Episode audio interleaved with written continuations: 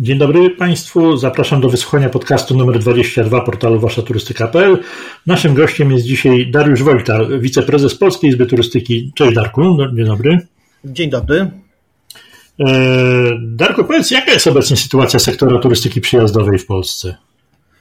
E, podobna do tego, jak było rok temu, to znaczy bardzo trudna. E, od ponad roku turystyka przyjazdowa praktycznie stoi z kilku powodów. E, oczywiście wszystkie związane z pandemią. Natomiast stoi przede wszystkim e, z powodu obowiązującego rozporządzenia, e, które zamyka Polskę przed przyjazdami turystycznymi. Rozporządzenia MSWiA, które obowiązuje od 13 marca 2020 roku.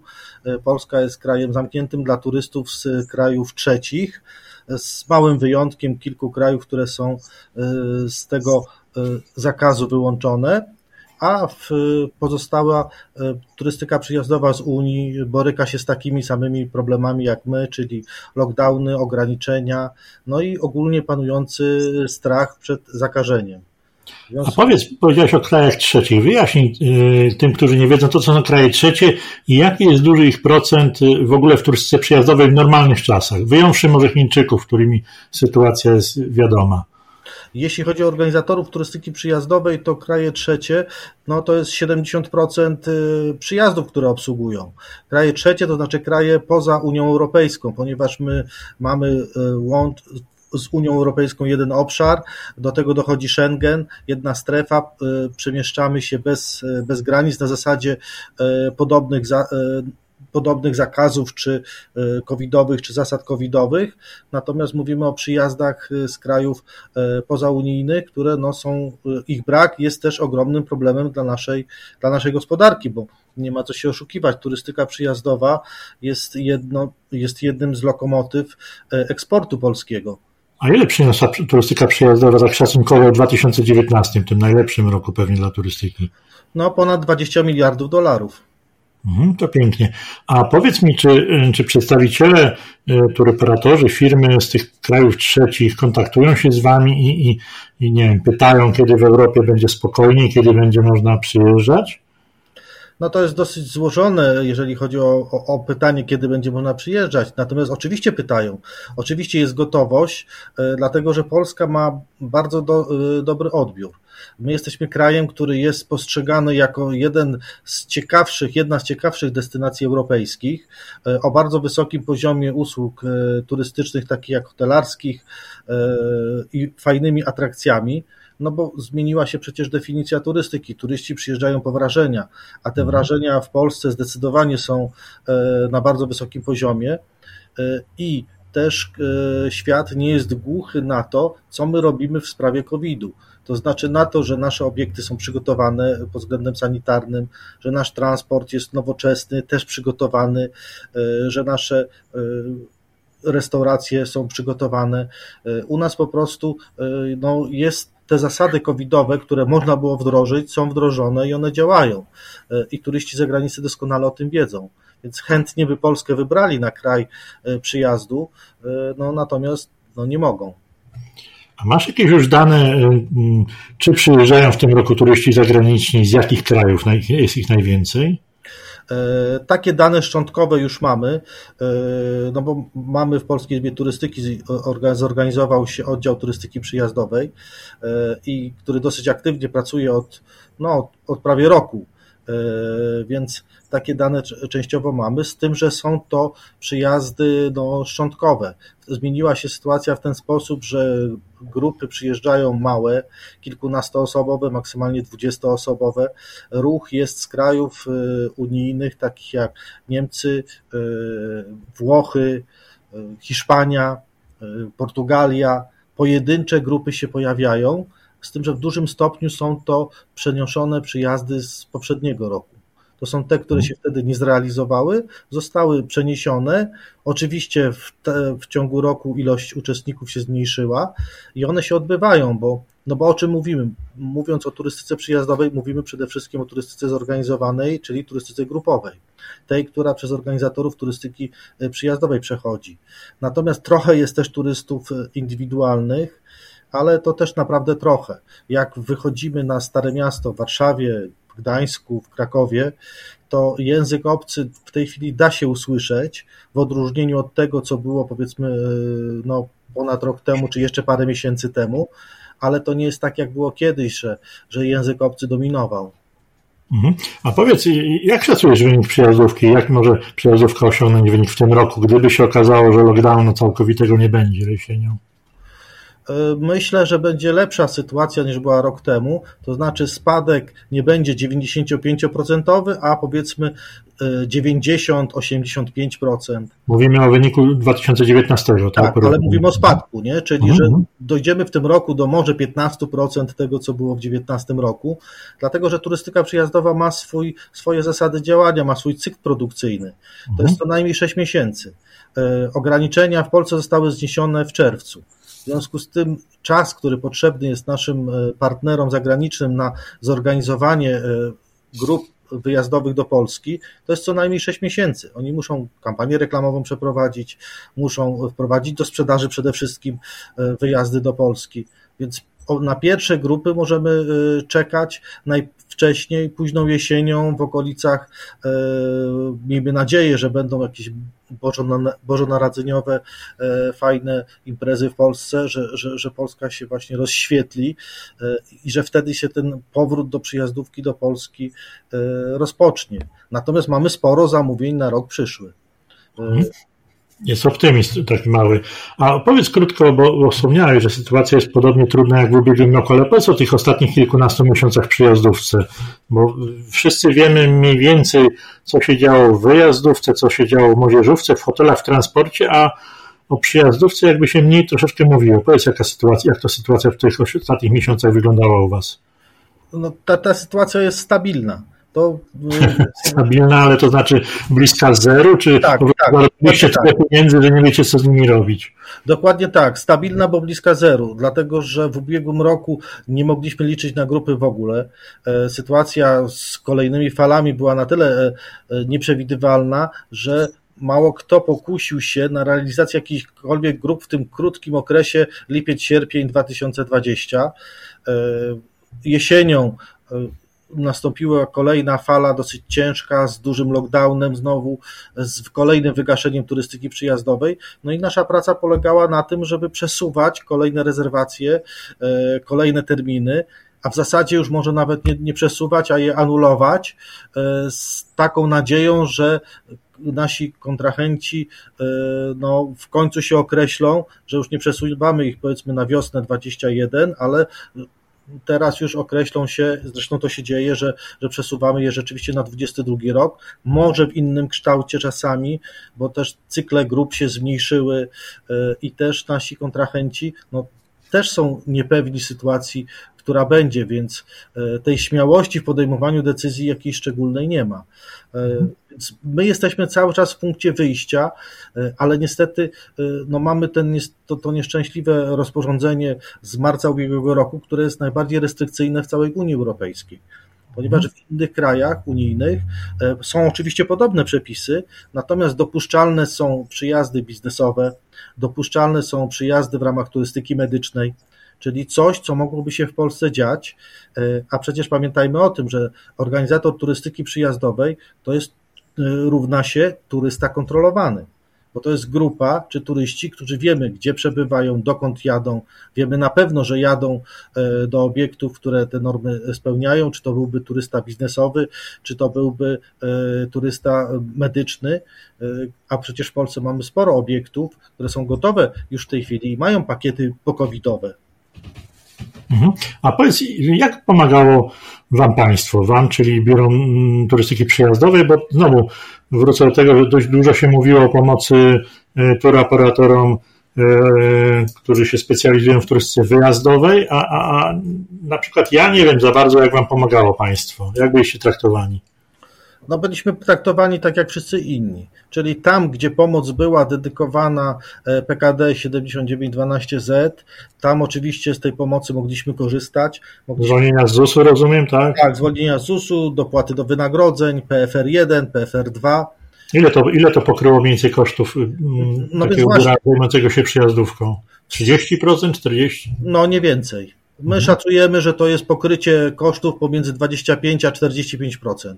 Mhm. Biorąc pod uwagę wysokość spadku, no i w tej chwili my oczekujemy, zresztą podjęliśmy jako Izba też działania na, na dalszą, powiedzmy, transzę już takiej punktowej pomocy, właśnie tym mm, biurom przyjazdowym, po to, żeby no, nie, nie wygasić tego rodzaju działalności w Polsce, bo co by nie było, 6% PKD, szkoda stracić, a z mhm. drugiej strony możemy e, wygaszając biura turystyki przyjazdowej, doprowadzić do podobnej sytuacji, która jest e, w niektórych krajach, e, gdzie biur przyjazdowych nie ma i są to destynacje takie awaryjne, dodatkowe, gdzie turoperator zagraniczny planuje Europę i wrzuci Polskę to tylko wtedy, jak już nie będzie miał innego pomysłu na pobyt w Europie. Mhm. Od, odbudowa tego, co myśmy mieli do 19 roku, to przynajmniej 15-20 lat. No i ogromne pieniądze. Myślę, że Polski na to nie stać. I też nie wierzę w to, e, że, że jakiekolwiek władze nie zdecydują się na, na pomoc. A czy y, podobne mieliście kłopoty z pozyskaniem y, pomocy ze strony banków, z pozyskaniem kredytów, jak to było w Waszym przypadku? To znaczy, y kłopotów nie mieliśmy, bo kredytów nie mieliśmy. Okay. E, prosta sprawa. Banki w ubiegłym roku całkowicie e, zblokowały e, turystykę całą, ze względu na rodzaj mhm. działalności. Biura turystyki przyjazdowej w tym roku jak gdyby odczuły akurat ten rodzaj działalności, ponieważ rozpoczęła się swego rodzaju fala ocen E, limitów kredytowych czy kredytów. No i banki zaczęły w tym roku wypowiadać linie kredytowe pod hasłem braku e, odpowiedniego poziomu obrotów w roku 2020. Mhm. A przecież myśmy tych obrotów nie mogli uzyskać. To zapytam intymnie w takim razie, jak przeżyliście jako sektor? Były upadki, bo, bo nie słychać było jakichś spektakularnych upadkach biur zajmujących się przyjazdówką, ale sam wspomniałeś, że, że grozi Wam, jak to ładnie powiedziałeś, wyciszanie czy wygaszanie E, turystyki przyjazdowej. Jak przeżyliście jako sektor? Czym się zajmowaliście przez ten czas? E, trudno było znaleźć jakiś inny rodzaj działalności, ale dodam tylko do tych bankach. E, jest tutaj mhm. pewne światełko w tunelu. Myśmy nawiązali bardzo bliską współpracę ze Związkiem Banków Polskich. Sam uczestniczyłem w konferencji organizowanej przez Związek Banków Polskich, skierowaną właśnie do bankowców, gdzie przybliżamy sprawy turystyki i staramy się też nieść tą informację, że skoro turystyka przyjazdowa była tak prężna do 19 roku, do 20 roku, skoro z roku na rok wzrastała o y, przynajmniej kilkanaście procent, to nie ma powodu, żeby sytuacja nie wróciła do takiego samego stanu wyjściowego po ustaniu przyczyn covidowych. W związku z tym ta część gospodarki jest to gospodarka, która na pewno się odbuduje i to odbuduje się skokowo to nie będzie odbudowywanie takie na kilka lat rozłożone, tylko dosłownie dwa lata i wracamy do stanu e, dużych obrotów przyjazdowych. I myślę, że tutaj jest szansa na poprawę naszego wizerunku w bankach i też e, na jakieś narzędzia finansowe. A jak przetrwaliśmy? No, e, powiedzmy sobie szczerze, że to też jest specyficzna branża. Branża turystyki przyjazdowej to są firmy przede wszystkim rodzinne, to są małe przedsiębiorstwa, które są uzależnione, są całe rodziny po prostu od, od działalności biur przyjazdowych i też te rodziny e, no, inwestują w to. Nie ma w tej chwili żadnego biura e, przyjazdowego, które e, w cudzysłowie nie żyje na koszt właścicieli tych biur, ich rodzin i, i, i, wszelkich możliwych form wsparcia finansowego, które ludzie są sobie sami w stanie pozyskać. Ale te rezerwy, te możliwości już się skończyły, no bo no ile można, półtora roku można finansować własną firmę, a dalej? Mhm. A wspomniałeś y, o oddziale turystyki przyjazdowej Polskiej Izby Turystyki. Y, y, powiedz, czym ona się zajmuje i czym się zajmowała w ciągu, bo mówisz, że prawie rok już działacie, prawda? No prawie rok działamy, z czego większa część czasu to był czas organizacyjny, ponieważ mhm. zmiany statutowe w Polskiej Izbie Turystyki, wiadomo, to trzeba wszystko było zarejestrować, więc dopiero w tej chwili ten oddział nabiera formalnej, powiedzmy, strony. Natomiast no ten, ten oddział powstał też po to przede wszystkim, żeby określić, jakie interesy ma ta część branży, bo nie ma w Polsce żadnej instytucji, nie ma żadnej organizacji, która by zrzeszała e, biura incomingowe. E, mhm. My jesteśmy jedyną formalną taką instytucją. E, mamy w swoich szeregach coraz więcej biur incomingowych. W mojej ocenie to jest przynajmniej jedna trzecia naszych członków. Zajmuje się. Jedna trzecia członków PIT-u. A ile to jest mniej więcej procent w ogóle y, biur incomingowych w Polsce? No na wszystko, my oceniamy, że biur incomingowych jest około 800 mhm. na całą Polskę. Bo to jest, to jest branża, tu nie wymaga nie wiadomo ilu, jak, jak rozbudowanych struktur. Natomiast zajęliśmy się przede wszystkim oczywiście kłopoty jednoczą, więc mhm. COVID i kwestie e, związane z przetrwaniem, z tym jak sobie radzić, jak wiele rzeczy e, wprowadzać, e, co robić, więc to nas zjednoczyło, plus te działania, nad którymi teraz pracujemy, to znaczy odbudowa rynku, odbudowa popytu bo to są to bardzo poważne sprawy i tutaj sami sobie nie poradzimy, ale musimy doskonale wiedzieć, czego chcemy. A wiecie, czego chcecie? Wiemy, czego chcemy. A jak chcecie odbudować sami rynek bez pomocy państwa, bez pomocy no instytucji, które są odpowiedzialne za promocję? Ale kto powiedział, że sami? Mhm. My właśnie sami tego nie będziemy robić. A z kim rozmawiacie w sprawie e, odbudowy popytu? E, natomiast rozmawiamy z wieloma instytucjami. Rozmawiamy oczywiście z POTem, no to, który jest tutaj e, naszym wielkim sprzymierzeńcem i udało się, mam nadzieję, że, że, że tak będzie, że udało się z POTem uzyskać taką, taką sytuację, że moment, kiedy pod wejdzie z kampaniami konsumenckimi, e, będzie e, no, też z nami w jakiejś współpracy stworzone te kampanie, czy też, e, czy też my będziemy uczestniczyć no, w, w określaniu rynków, gdzie mają być te kampanie prowadzone, sposobów promocji, bo to się dzieje. Oprócz tego rozmawiamy z Lotem, który jest naszym naturalnym partnerem i który zmienił się bardzo i firmy przewozowej, która koncentrowała się na ilości pasażerów, zaczął wspierać również turystykę przyjazdową. Lot sobie zdaje też sprawę z tego, że pasażerów się wozi w dwie strony, więc mamy też drugiego partnera, który ma przecież też swoje kampanie marketingowe. E, kolejna rzecz, rozmawialiśmy już e, z MSZ-em e, i uzgodniliśmy, że będziemy podejmować taką inicjatywę e, po to, żeby skupić wszystkie instytucje państwowe, e, które zajmują się, e, czyli MSZ, Straż Graniczną, POT oczywiście, Ministerstwo również i skupić wszystkie te instytucje, które niosą informacje na temat Polski, COVID-u, wjazdów cudzoziemców, po to, żeby ten komunikat, komunikat był jednorodny żeby on był szybki i jednorodny i żeby był pozytywny. Żeby nie pisać komunikatów na zasadzie, że do Polski potrzeba testy takie, takie, takie, a w ostatniej linijce napiszemy, a kto jest zaszczepiony, ten testu nie musi mieć. Mhm. A powiedz, y, jak działają polskie biura przejazdowe? Trochę o tym powiedziałeś. Współpracujecie z turoperatorami, E, zagranicznymi i to oni są głównymi waszymi klientami. Czy, czy dobrze rozumiem? Tak, tak, tak wygląda e, ta linia współpracy. To znaczy, my jesteśmy lokomotywą, naszymi dostawcami mhm. w Polsce są hotele, przewoźnicy, atrakcje turystyczne, natomiast naszym klientem jest no, odpowiednik, nie wiem, Itaki we Włoszech, czy we Francji, czy gdzieś tam. Mhm. E, duży turoperator zagraniczny, który wysyła turystów do Polski, który na swoim rynku robi akwizycję, sprzedaje swoje produkty. Czy robicie to indywidualnie jako każde biuro, czy teraz jako oddział e, turystyki przyjazdowej PIT-u będziecie wspólnym frontem na przykład uderzać do dużych turoperatorów zagranicznych, nie wiem, niemieckich, angielskich, francuskich i przedstawiać to, co, o czym mówiłem, że sytuacja w Polsce jest dobra, e, e, wysokość usług jest wysoka, znaczy wysoki standard usług jest, i macie tu do wyboru, nie wiem, kilkudziesięciu operatorów, wybierajcie, bo oni pracują na, w różnych miejscach w Polsce. Jak to będzie? Ja myślę, że pewnie tego typu przekaz ogólny będzie przez e, oddział prowadzony, przez PIT również, z wykorzystaniem wszystkich możliwych instytucji, które nas wspierają, bo też współpracujemy z regionami, z rotami, z mhm. lotami, e, które z kolei mają swoje działania zagraniczne.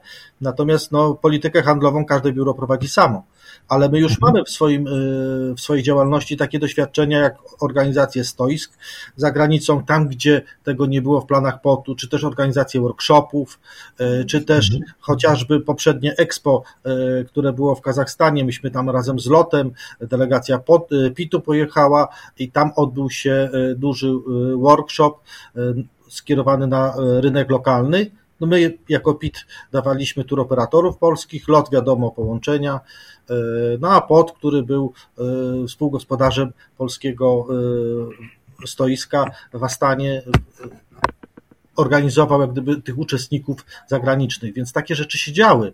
I myślę, że w tej mhm. chwili my do tego wrócimy z jeszcze większą e, taką energią e, i, i chętniej będziemy wszyscy tym uczestniczyć, tym bardziej, że e, no powiedzmy sobie szczerze, sytuacja zmieniła się też w ten sposób, że szczebel powiedzmy zarządzający jest dużo bardziej zaangażowany w pracę operacyjną dużo bardziej mhm. jest zaangażowany w to, żeby pozyskać klienta, w sprzedaż, we wszystko, więc e, no, na pewno najbliższe lata e, w ramach tej odbudowy rynku będą aktywną pracą e, naszych biur członkowskich, ale pewnie nie tylko. Bo... A, a które regiony są najsilniejsze, jeśli chodzi o przyjazdówkę? W Polsce? Tak, tak. W Polsce, no to oczywiście no Małopolska, Mhm. E, wiadomo, że Kraków jest dużym magnesem. Myślę, że na drugim miejscu jest Warszawa. Mhm. E, I tak ta statystyka, jeżeli chodzi o tempo wzrostu przyjazdów zagranicznych, wyglądała, że ilość przyjazdów turystycznych do Warszawy z roku na rok szybciej rosła, e, w sensie szybciej rosła do Warszawy niż do Krakowa. No, mhm. Oczywiście Kraków jest dosyć nasycony, więc tutaj różnice ilościowe były. Myślę, że dalej to są, to jest Trójmiasto, na mhm. pewno Wrocław. Poznań zaczyna wysokie pozycje zajmować. E, generalnie rzecz biorąc, turysta zagraniczny nie przyjeżdża do Polski na plażowanie.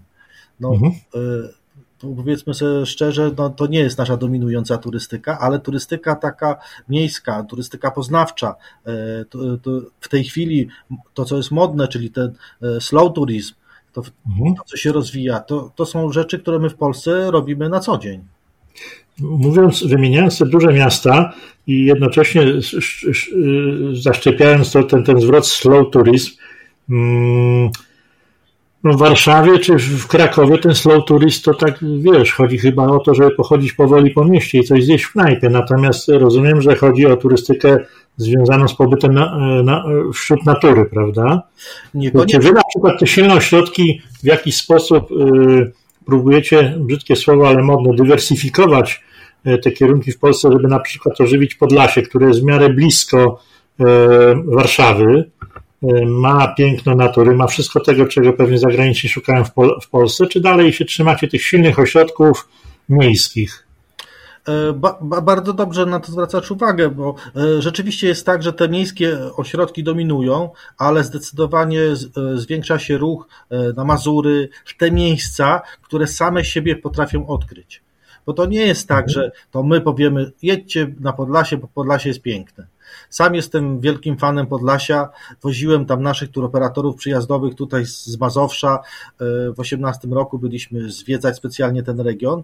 Natomiast tego nie będzie, e, jeżeli e, no, lokalni e, organizatorzy czy lokalne struktury tego nie chcą. Niestety mamy mhm. ogromny problem w Polsce cały czas z samorządnością, jeżeli chodzi o rozumienie turystyki.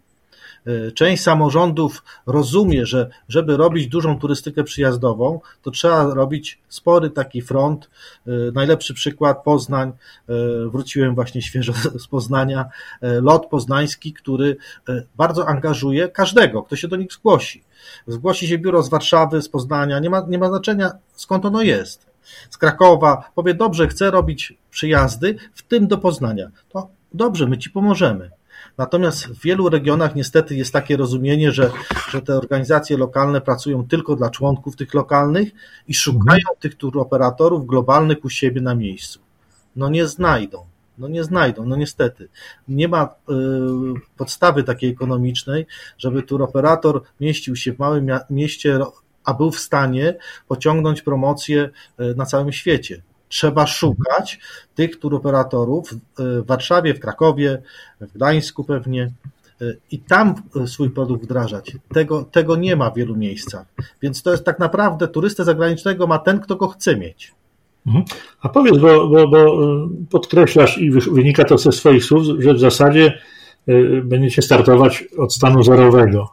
I nie tylko, i nie tylko wy, ale również cała Europa. W związku z tym zaczynacie z jednej strony w bardzo trudnej sytuacji, a z drugiej komfortowej, bo ta przewaga, którą miały powiedzmy kraje jak Czechy, Węgry, wyzerowała się powiedzmy teoretycznie przynajmniej. Jak zamierzacie, jak Twoim zdaniem, co, co trzeba zrobić, żeby spowodować powrót turystów zagranicznych do Polski? Bo na razie ich nie ma, no wiadomo, trochę ograniczają to przepisy, ale, ale co zrobić, kiedy te przepisy się zmienią? Od, samych, od samego zniesienia przepisów oni nie wrócą do Polski nie wrócą. Natomiast no, y, mówisz o tych Czechach. Niestety, i mówię to niestety, Czechy już zaczęły. Czechy już mhm. zaczęły na wielu rynkach kampanie y, informacyjne, zapraszają do siebie, y, więc to, to już się dzieje. Już kraje unijne też walczą o tego turystę, bo na przykład niektóre kraje unijne ogłosiły, że będą honorowały szczepienia, niekoniecznie też, które są akceptowane w Unii. Mhm. No bo też jesteśmy w takiej dziwnej sytuacji. Zaszczepiliśmy e, szczepionkami zarejestrowanymi w Unii e, kilkaset milionów ludzi, a na Ziemi żyje przecież miliardy mieszkańców. Mamy kraje, które są miliardowe, jeżeli chodzi o ilość mieszkańców danego kraju. I to my ich nie, nie wpuścimy do siebie. Za chwilę większość świata będzie zaszczepiona szczepionkami wcale nie, nie Pfizerem czy, czy AstraZeneką. No, ale to mówisz prawdopodobnie o ustaleniach na, na wysokości y, Brukseli, prawda? No niekoniecznie, bo są kraje unijne, które mówią tak, nasz interes polega na tym, żeby akceptować chińską szczepionkę i Sputnika, dlatego że mhm. z tych regionów do nas przyjeżdżają turyści. Okej, okay, szczepionka to jedno, więc rozumiem, To jest ten element przetargowy, o którym y, mówimy. Na pierwszym miejscu my musimy powiedzieć, że jesteśmy bezpieczni i zachęcić mhm. do przyjazdu do siebie, ale zachęcić w sposób e, dla nas korzystny. To znaczy, jeżeli my jesteśmy krajem najbardziej na wschód wysuniętym, jeżeli chodzi o naszych sąsiadów, unijnym, no to my powinniśmy tego Sputnika też akceptować. No niestety, mhm. to jest klient, który do nas przyjeżdża, to jest gość, który do nas przyjeżdża, więc powinno nas być stać na taką odwagę, żebyśmy powiedzieli, proszę bardzo, akceptujemy szczepionki e, rosyjskie. Mhm. E, dobra. Druga sprawa, tak, druga mhm. sprawa, no to oczywiście y, muszą być kampanie konsumenckie i tutaj jest wola potu z tych spotkań, które już pocie odbyliśmy, jest wola potu, że i są zresztą środki, które są i przesuwane trochę z, z ubiegłego roku, no i środki bieżące, na rozsądne kampanie konsumenckie zachęcające do przyjazdu do Polski. E, tylko, że no nie można ich uruchomić w sytuacji takiej, kiedy e, no, turystyka stoi, bo to będzie za, za wcześnie trochę, tak? Jeżeli my mhm. zaczniemy teraz mówić, przyjeżdżajcie do Polski, a granice są zamknięte, no to e, za chwilę ten turysta w ogóle na tą Polskę patrzył nie będzie. Wiesz ale może, może trzeba robić kampanie wizerunkowe przypominające, że w ogóle Polska piękna jest i że jest taki kierunek jak Polska, bo jeśli nie będziemy, nie będziemy czekać na otwarcie te mityczne turystyki, a inne kraje, jak sam wspominasz, reklamują się, przypominają się co pewien czas, że mamy piękne góry, piękne morze i tak dalej, no to jeśli ja jestem bombardowany informacjami o nieznanej mi na przykład do tej pory jeszcze niedawno Czarnogórze, to w końcu zainteresuję się, że oni tam tak. ciągle to polecają. Jeśli y, ty mówisz, że powinniśmy czekać z promocją na otwarcie turystyki, to być może te kraje, o których mówisz, że chętnie byśmy przyjęli turystów, zapomną o Polsce. To jest normalne w marketingu i w promocji. Jeśli nie masz promocji, to ludzie o, ciebie, o tobie zapominają. Tak jak mówisz, mamy równie atrakcyjnych sąsiadów, co byśmy o tym nie mówili. No tak, niestety tak jest. Znaczy te kampanie wizerunkowe, one są prowadzone. Podprowadzi kampanie mhm. wizerunkowe e, e, środkami cyfrowymi. E, częściowo są robione na żywo, bo na przykład Zopot w Moskwie pracuje cały czas bardzo aktywnie. Myśmy mieli lockdown, a oni w tym czasie jeżdżąc po całej Rosji, no, na prowincję rosyjską, do wielu miast, odbywały się tam normalne spotkania na żywo. I mhm w momencie, kiedy się odbywają spotkania grupy V4, to do 20 roku największa kolejka była przy stoiskach czeskich, w tej chwili jest przy polskich. To znaczy, że udaje się ten wizerunek wykreować w sposób przez nas pożądany. Y, ja myślę o kampaniach konsumenckich, czyli takich już związanych z produktem, że po co mhm. do tej Polski przyjechać, nie? No ja chciałem zapytać o ten produkt. Czy wy macie produkt na nowe czasy? Bo wiadomo, że niektóre priorytety turystów zagranicznych, znaczy nie tylko zagranicznych, się zmieniły, prawda? Sam wspominałeś, że będą szukać e, kontaktu z naturą, e, a wy do tej pory, e, za przeproszeniem, na największą kasę kroiliście na tym, że sprowadzaliście ich do Krakowa i okolic, Warszawy, okolic i Trójmiasta, Poznania, Wrocławia. Czy wy jesteście przygotowani na to, że oni tak bardzo chętnie do Polski, a słyszeliśmy, że macie piękne jeziora, piękne rzeki i chcemy w waszej puszczy zamieszkać? Jak to jest z tym produktem na nowe czasy? Produktów na nowe czasy w Polsce jest sporo, e, w różnych mhm. regionach. To, a wydaje mi się, że to też trochę mit jest, że, że to musi być przyroda, że to y, klient koniecznie chce jechać. Tam o tym mi się wspomniałeś, przepraszam. że to jest ta sama przyroda. Oczywiście, jeżeli Mazury, no to na Mazurach powstało cały szereg świetnych obiektów i my to sprzedajemy. Jeżeli mówimy o slow turizmie, to mówimy również o niedużych grupach, które przyślemy do Krakowa, które e, e, w dużo jak gdyby wolniejszym tempie będzie zwiedzało e, Kraków, muzea czy obiekty i to będzie połączone, czy jest połączone w tych programach z relaksem, z innym rodzajem jedzenia. To nie jest, to nie jest już taka, powiedzmy, przez te najbliższe lata, to nie jest już taka turystyka masowa, gdzie odhaczamy punkty i musimy zrealizować jak, najszyb, jak najwięcej danego dnia. I, i tutaj nasi, yy, nasi członkowie, turoperatorzy przyjazdowi zmienili swoje produkty i, i już to się dzieje, bo yy, tak jak na ostatnim spotkaniu, większość z nich właśnie mówi, my w tej chwili mamy grupy kilkunastoosobowe, mamy grupy nawet kilkuosobowe, gdzie tam dwie rodziny przyjeżdżają i chcą program szyty na miarę czyli coś, o czym my mówiliśmy e, kilka lat temu jako o programach dla tych najbogatszych e, turystów, w tej chwili staje się taką normą. Programy szyte na miarę właśnie pod e, grupy nieduże, pojedyncze rodzinne, pojedyncze grupy znajomych, czy też grupy takie, które się da włożyć niekoniecznie w 50-osobowy autokar. Rozumiem, że jesteście przygotowani pod względem na przykład transportu, czyli że nie tak jak do tej pory wozicie duże grupy 50-osobowe, tylko trzeba na przykład 12-osobową albo 6-osobową przejść ze środku transportu dużego na mały. E, to też, natomiast no, e, transportu w Polsce mamy e, w tej chwili wychodzi na to, że aż za dużo, więc mhm. w ramach COVID-u jeżdżą autokary oczywiście powiedzmy 40-osobowe i wiozą 25 osób, tak? Czy, kontra, czy kontrahenci wasi zagraniczni jakoś zmienili swoje wymagania, pytają o coś innego niż dwa lata temu? Już wspomniałeś trochę o bezpieczeństwie i higienie, ale czy, czy jeszcze są jakieś takie priorytety, które, które się zmieniły w ciągu tych dwóch lat? Myślę, że nie. Myślę, że nie. Najważniejsza rzecz, która się zmieniła, to, to elastyczność współpracy. Czyli Elastyczność, to znaczy nie zamawianie na dwa lata naprzód, y, rozumienie, że, że sytuacja jest dynamiczna? E, raczej możliwość dokonywania zmian w ostatniej chwili, e, korekty programu, e, korekty ilości osób, no takie rzeczy, te, te terminy zostały skrócone to zostało realnie skrócone i tutaj też hotele idą nam na rękę, e, przewoźnicy idą nam na rękę e, i na tym też zależy naszym e, kontrahentom, żeby mogli jak gdyby do ostatniej chwili modyfikować wielkość grupy i program pobytu.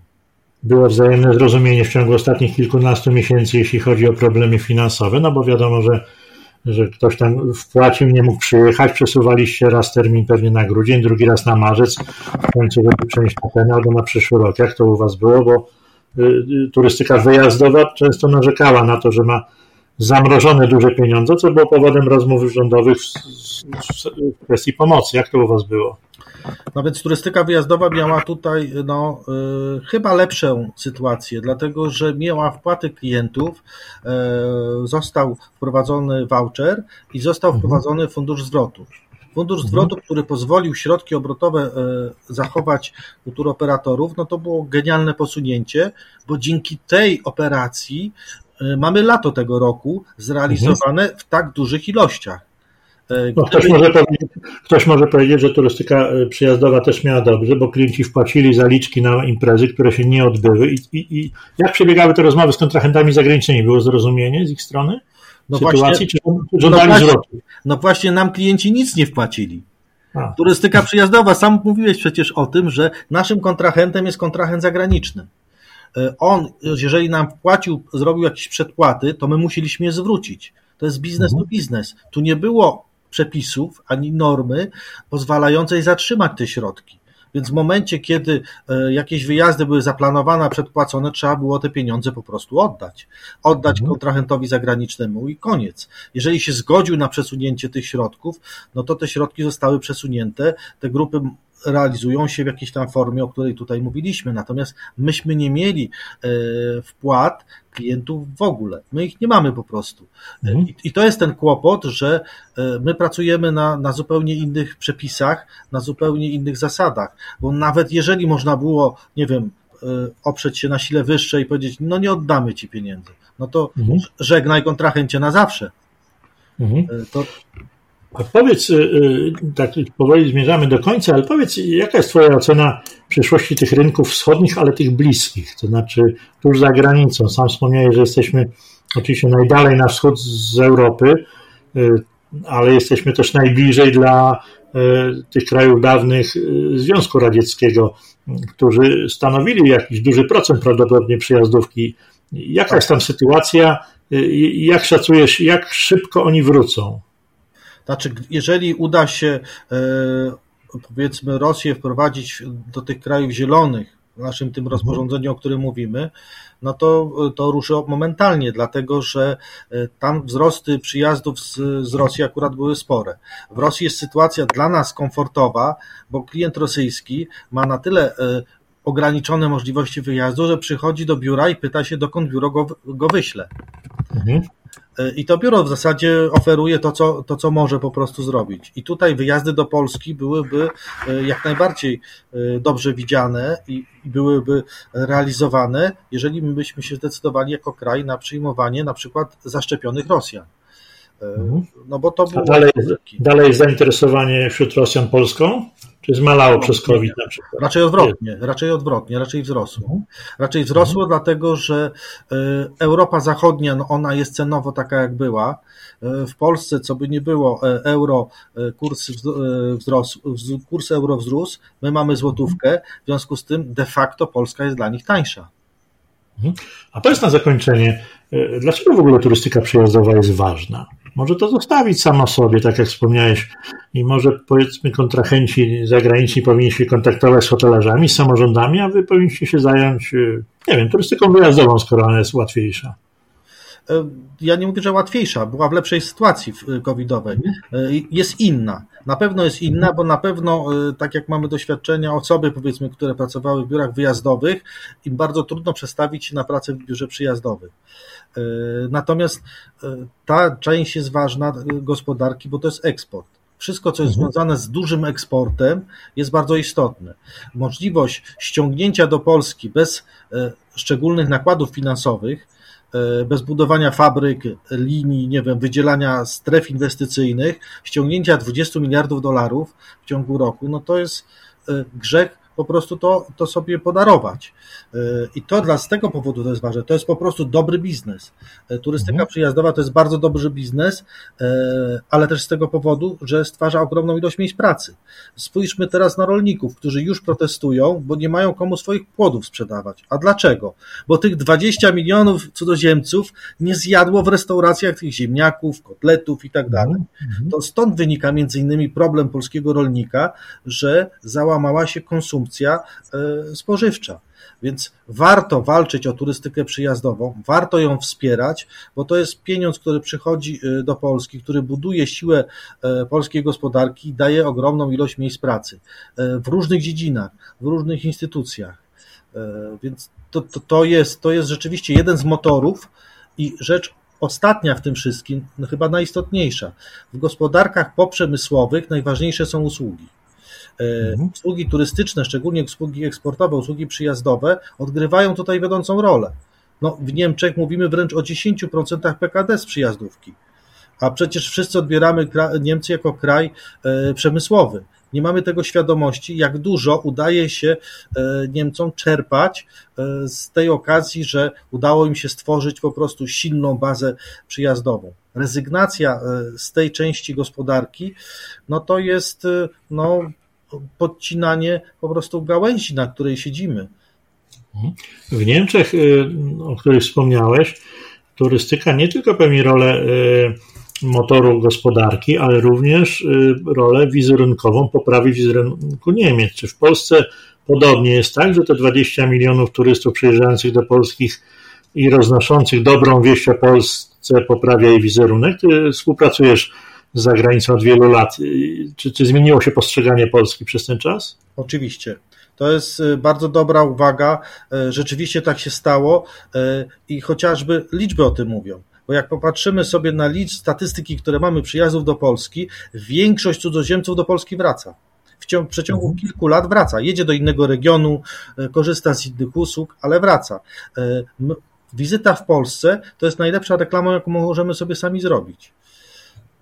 Mhm. A czy y, jeśli te warunki, o których wspomniałeś na początku, zostaną spełnione i ta turystyka przyjazdowa ruszy, jak szacujesz za 2-3 lata wyniki? Zakładamy oczywiście ten idealizm sytuacji pokowidowej. Czy, czy jak ruszycie z kopyta, to szybko osiągniecie kolejne te 20 milionów, czy może przekroczycie szybko?